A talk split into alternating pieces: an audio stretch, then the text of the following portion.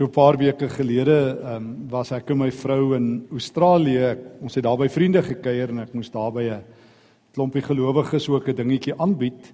En ek onthou ons het op Paasvrydag saam gekuier en so in die kuier toe uh, kom ons agter dat so 6 van ons wat saam kuier van Kempton Park afkomstig is. En toe die middag toe ons nou uh uitmekaar uitgaan en groet, onthou ek dat um, die een een vrou het toe teruggekom. Hulle bly nou al 10 of 15 jaar in Australië. En sy het so ingekom, sy sê sy wil vir my en my vrou ietsie vra. Sê nee, dis reg.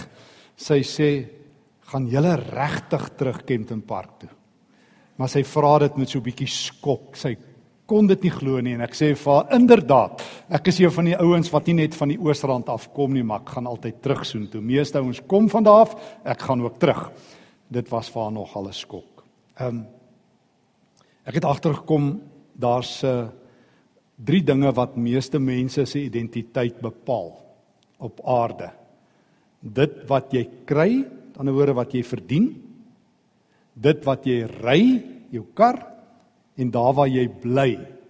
Dit wat jy ry kry en bly en al drie rym met ly, maar dis 'n ander storie. Maar 'n mens word veral aan jou adres uitgeken. So jare wat 2, 3 terug moes ek in uh, in Amerika ietsie doen en daar in New York is daar toe um, so 'n konferensie of 'n ding en daar so baie belangrike Amerikaner wat met my staan en gesels. Soos ek altyd sê, jy weet hulle is belangrik want hulle laat jou dit verstaan.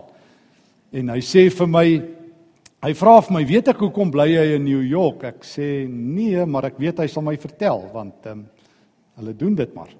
Hy sê vir my, "You know I live in New York because this is the most important city on the planet." En ek sê ek is bly om dit te hoor.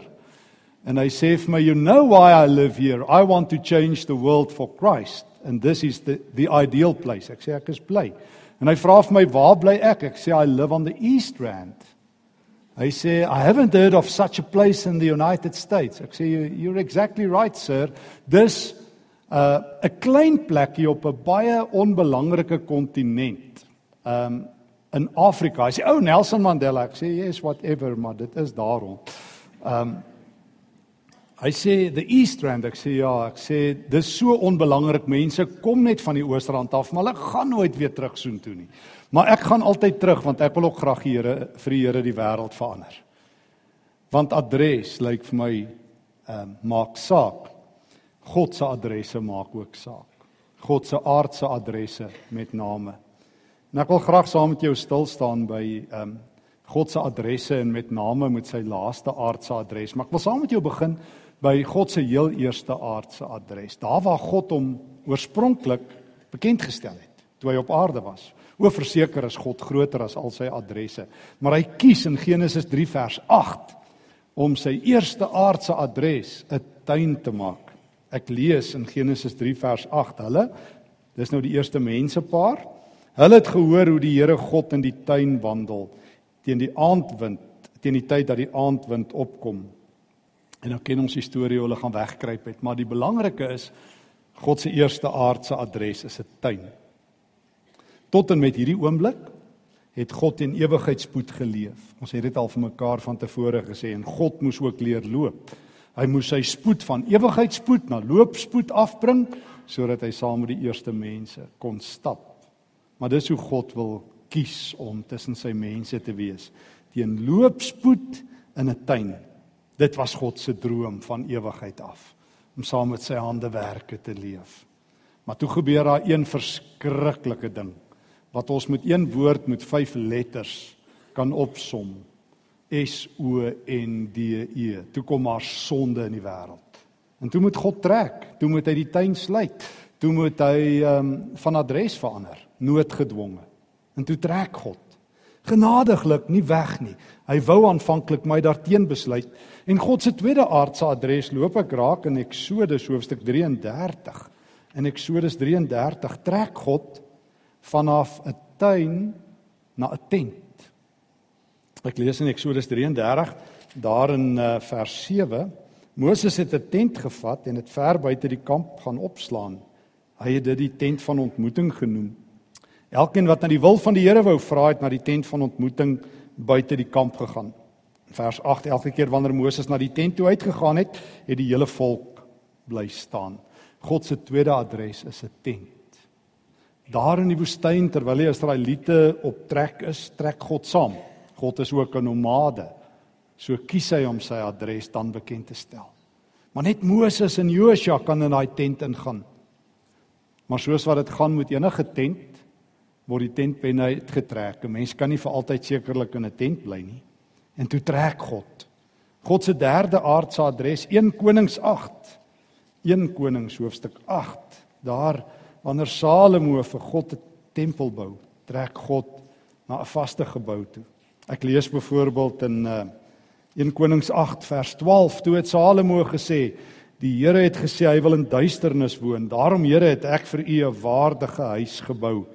'n verblyf waar hy vir altyd kan woon. Maar God het toe nie vir altyd in die tempel gebly nie, maar vir minstens 1000 jaar van Dawid af tot toe Jesus aarde toe gekom het en 'n kort rukkie daarna was God se aardse adres die tempel in Jerusalem. Wonderlike dinge het daar gebeur. As jy um, as 'n pelgrim van van die buiteland af gekom het of van ander provinsies, het jy gereis tempel toe.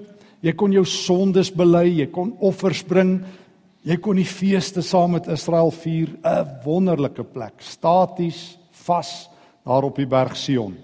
Daar was God se adres. Maar daai ou probleem van Genesis 3, daai een woord, vyf letters, S O N D E, sonde, was weer op die uh, op die toneel.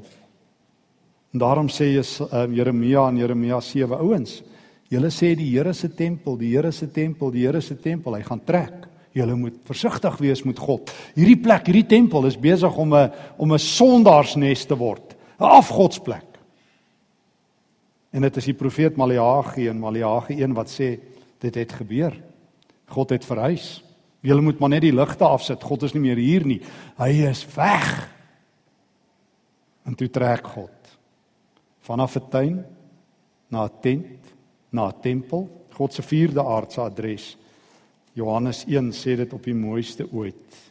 Johannes 1 is daai groot woorde nadat die, die woord mens geword het. Lees ek in Johannes 1 vers 14. En dis God se vierde aardse adres, Jesus self. Die woord het mens geword en onder ons kom woon. Daar staan letterlik in die Grieks, die woord het onder ons kom tent opslaan. Die Griekse woord skenoo is om 'n tent op te sit, dis wat hier gebruik word. Jesus is God se nuwe tent. En soos wat dit in die woestyn was, is hy sy rondreisende tent en dan sê Johannes, ons het sy heerlikheid gesien, die heerlikheid wat hy as die enigste seun van die Vader het, vol genade en waarheid. Nou, as jy God wil sien, gaan jy nie meer na die gebou toe nie, jy gaan na Jesus toe. Jy onthou in Johannes 14 as die disippels vir Jesus sê, "Wys ons die Vader." Dan sê hy dis ek. Jesus is God met vel aan. God met 'n lyf. God tussen ons. God in Galilea, God in Judea, God wat genade gee, God wat lewe gee. God op aarde. God naby. God wil nie in 'n gebou bly nie. Hy wil nie net nou en dan ehm um, deur mense aanbid wees nie. God wil loop. Hy wil saamloop. Hy wil by ons wees. Hy wil naby wees.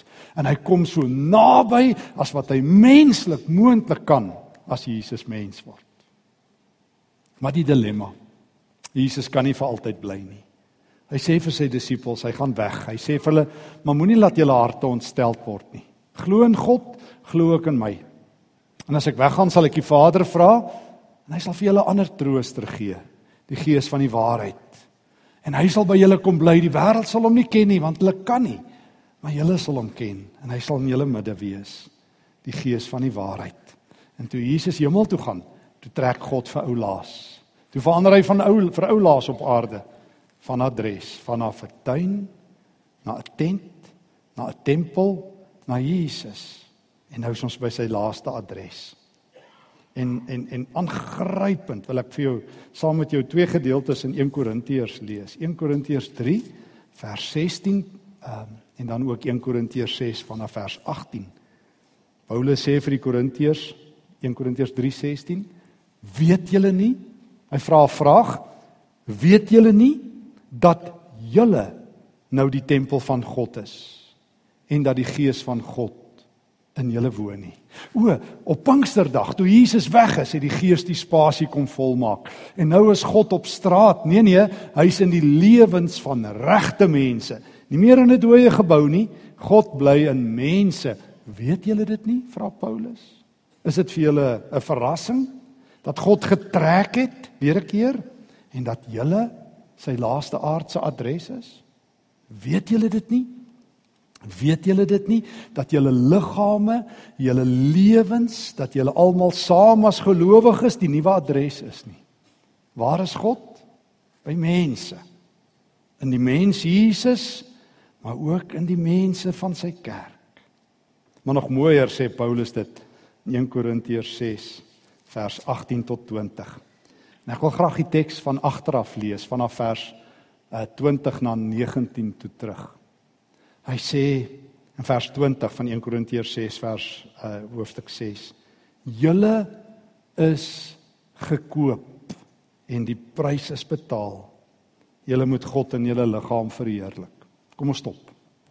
Julle is gekoop. Wie koop? Wie koop ons? Jesus, nie waar nie? So, waar koop Jesus ons? Wel, hoewel Paulus weet, ons almal wat in Jesus glo. Daar's een ding wat ons almal in gemeen gehad het, want Jesus koop net een soort mens. Jesus koop net een soort mens. Jy onthou, nee, hy het dit gesê, hy het dit vir ons geleer in ehm um, Markus ehm um, 1 of Lukas 5 het hy gesê ek het nie gekom vir mense wat gesond is nie, ek het gekom vir siekes, vir sondaars.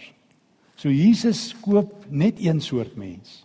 Kyk, ek het groot geword dat Jesus vir alle mense gesterf het. Dis nie waar nie, hy het net vir sondaars gesterf. So as jy nie 'n sondaar is nie, kan Jesus vir jou niks doen nie. Maar as jy so verlore is dat jy net saam met daai tollenaar van Lukas 18 kan sê, o God, wees my sondaar genadig. Here, ek is so bankrot. Ek het so ver geval dat ek myself nie kan red nie. Dan kan Jesus jou koop. Want hy stap op die markplein van sondaars. Hy koop mense wat so verlore is dat hulle sal doodgaan in hulle sonde. Wat so ver geval het dat hulle nooit weer by God kan uitkom nie. Wat so in die donker lewe dat die lig hulle nooit sal bereik nie. En dan stap Jesus op die markplein van die sonde. O terloops, daar was daarom daar was daarom twee aanbiedings op jou lewe. Die duiwel en die dood het gesê ons sal jou vat. Maar toe sê Jesus, ek sal hulle koop. So Jesus koop sondaars. Hy kan nie goeie mense koop nie, want hulle het hom nie nodig nie. Hy kan nie godsdienstige mense koop nie, want hulle is te vroom. Maar wanneer jy verlore is, en jy sal weet as jy al was, jy sal weet wanneer jy so verlore is dat net God jou kan red. En nou sê Jesus, jy is gekoop. Nou kan ek gou vir jou vra as jy iets gekoop het, wie se eiendom is dit? As jy nou byvoorbeeld 'n kar koop of huis, jy sal sê dis nie 'n wyse vraag nie, dis voor die hand liggend, dis myne. So nou die vraag, wie het jou gekoop? Jesus. Aan wie behoort jy? Aan jouself of aan Jesus? Aan hom. Wat beteken dit? Dit beteken in gewone Afrikaans en in ingewikkelde Afrikaans ook. Jy kan nie doen wat jy wil nie. Dis verskriklik ingewikkeld en verskriklik eenvoudig. So, as jy nou van jou bure wil skinder of saam met die res van die land almal wil haat wat haatbaar is. Of um, kwaad wil wees of in woede wil leef, dan moet jy vir die jou eienaar gaan vra. Mag ek van my buurvrou skinder? Mag ek almal saam met almal daai mense haat? Mag ek saam met almal ongelukkig wees? Mag ek gal braak? En die Here sê: "Nee." Na wie moet jy luister? Na jou hart of na die Here? Na die Here. Dis verskriklik ingewikkeld en verskriklik eenvoudig. So ek praat nou ingewikkeld en eenvoudig gelyk. So as jy vir my sê dis te eenvoudig, dis nou ingewikkeld. Jou lyf behoort aan die Here. As jy sê dis te ingewikkeld, kom ek sê dit eenvoudig. Jy mag nie doen wat jy wil nie. Jy is gekoop. Jy behoort aan die Here. So as jy nou van jou buurvrou wil skinder, dan moet jy nou haar sê, jy weet ek wou van jou skinder, maar die Here het sê ek mag nie. Nee nee nee, wag, nee, moet dit nie so doen nie. Dis nie taktvol nie. Maar jy kry die punt. Jy mag nie dit doen nie. Jy is gekoop. Die Here besluit wat jy met jou lyf doen. Jy kan nie met jou lyf doen wat jy wil nie, Paulus sê in 1 Korintiërs 6 vers 18, jy kan nie jouself oorgee aan seksuele losbandigheid nie. Dis nie jou lyf nie, dis die Here se. Hy besluit wat jy doen. Hy besluit wat jy dink. Hy besluit wat jy sê. Jesus het jou gekoop. Hy het jou gekoop toe op jou slegste was. Romeine 5, is dit vers 8. Ehm Christus het ons gekoop toe ons nog sondaars was. Maar daar gebeur 'n mooi ding, vers 19 van 1 Korintiërs 6. Besef julle nie dat julle 'n liggaam, 'n tempel van die Heilige Gees is nie? Besef jy nie dat Toe Jesus jou gekoop het as 'n sondaar, het hy jou nie 'n sondaar gelos nie. Wat het hy gedoen? Hy het jou verander, hy het jou oorgegee aan die Heilige Gees. En wat doen die Heilige Gees? O, hy bou net tempels. Hy bly nie in sondaarspelonke nie. Hy vat jou soos jy is, hy los jou nie soos jy is nie. So, die Heilige Gees verander jou in God se tempel. Hy trek die gordyne oop, hy gooi al die sonde uit. Hy bring Galasiërs 5 se woorde, die vrug van die Gees in jou lewe. Hy maak jou sag, hy maak jou nederig, hy maak jou gelowig. Hy vul jou met die Here Jesus se liefde.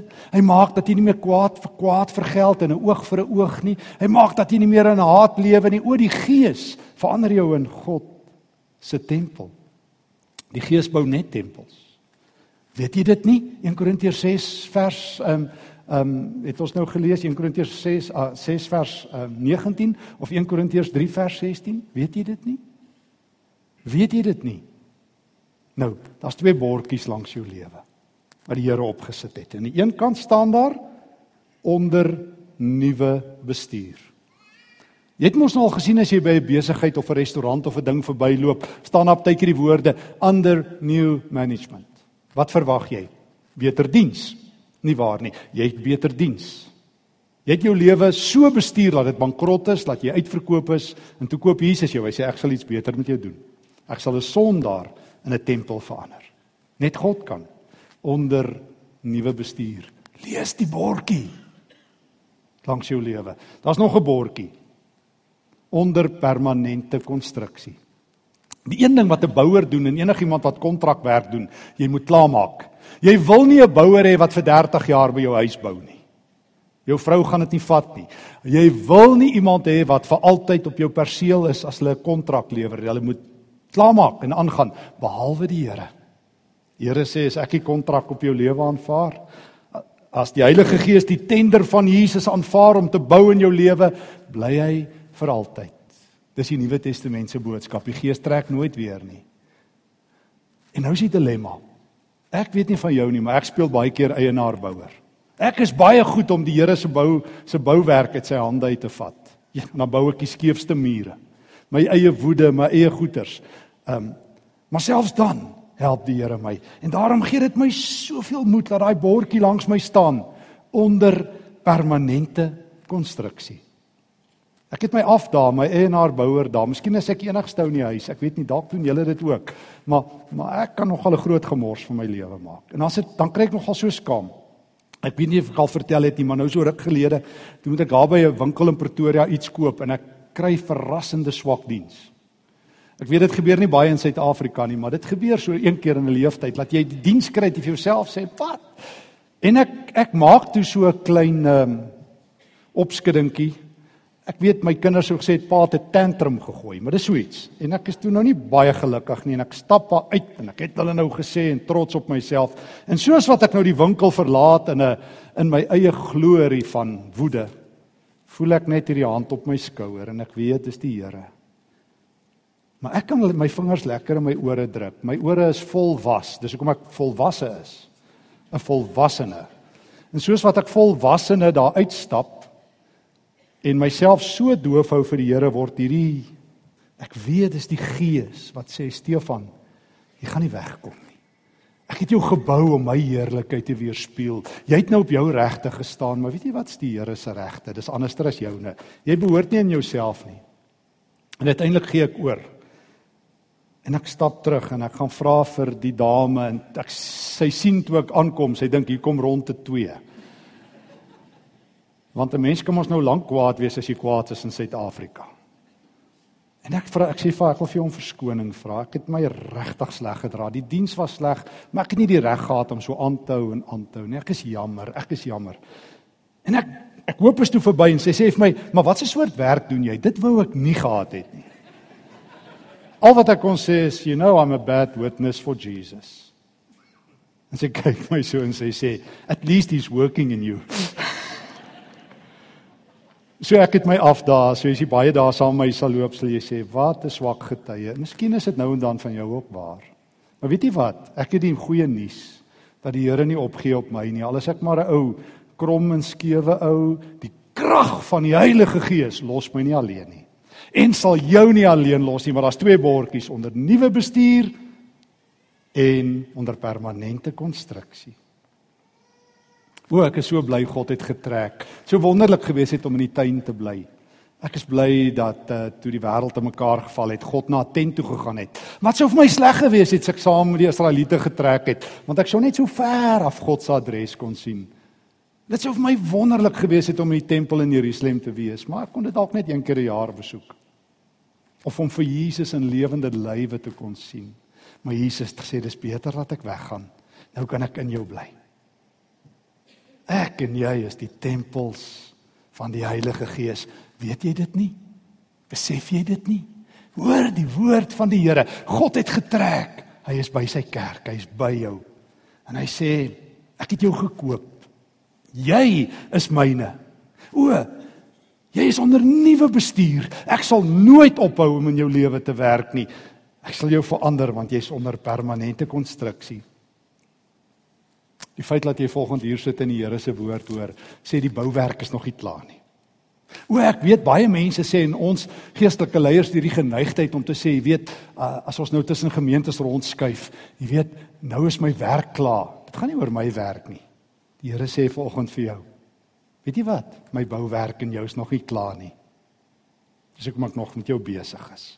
Daar's nog 'n muur, nog 'n nuwe venster, nog 'n stukkie nuwe hoop wat ek in jou lewe wil inbou.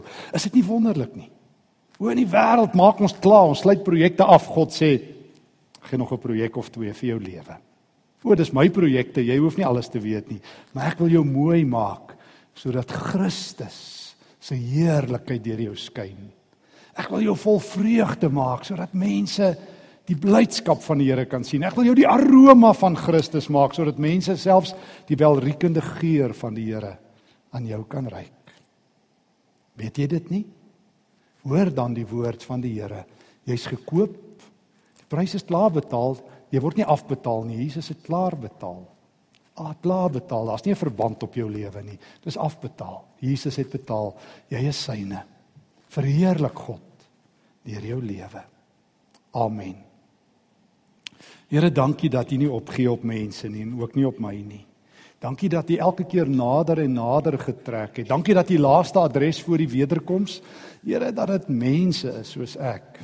Sjoe, Here, dit is oorweldigend om te dink dat U in 'n doodgewone mens bly. Maar dankie dat ons gekooptes is, die eiendom van Jesus Christus. Dankie dat dit oor ons lewe geskryf staan. Ons behoort aan die Here van die aarde en die hemel. Dankie Here dat U U Heilige Gees uitgestort het ook in gewone mense soos ek. En dankie dat U besig is om my te verander na 'n tempel. Asseblief Here, neem al die bouwerk uit my hande. Ek wil nie eienaar bouer speel nie. Ek wil in die hande van die hemelse meesterbouer wees. Hier is ek, Here. Vul my lewe met die krag van die Heilige Gees.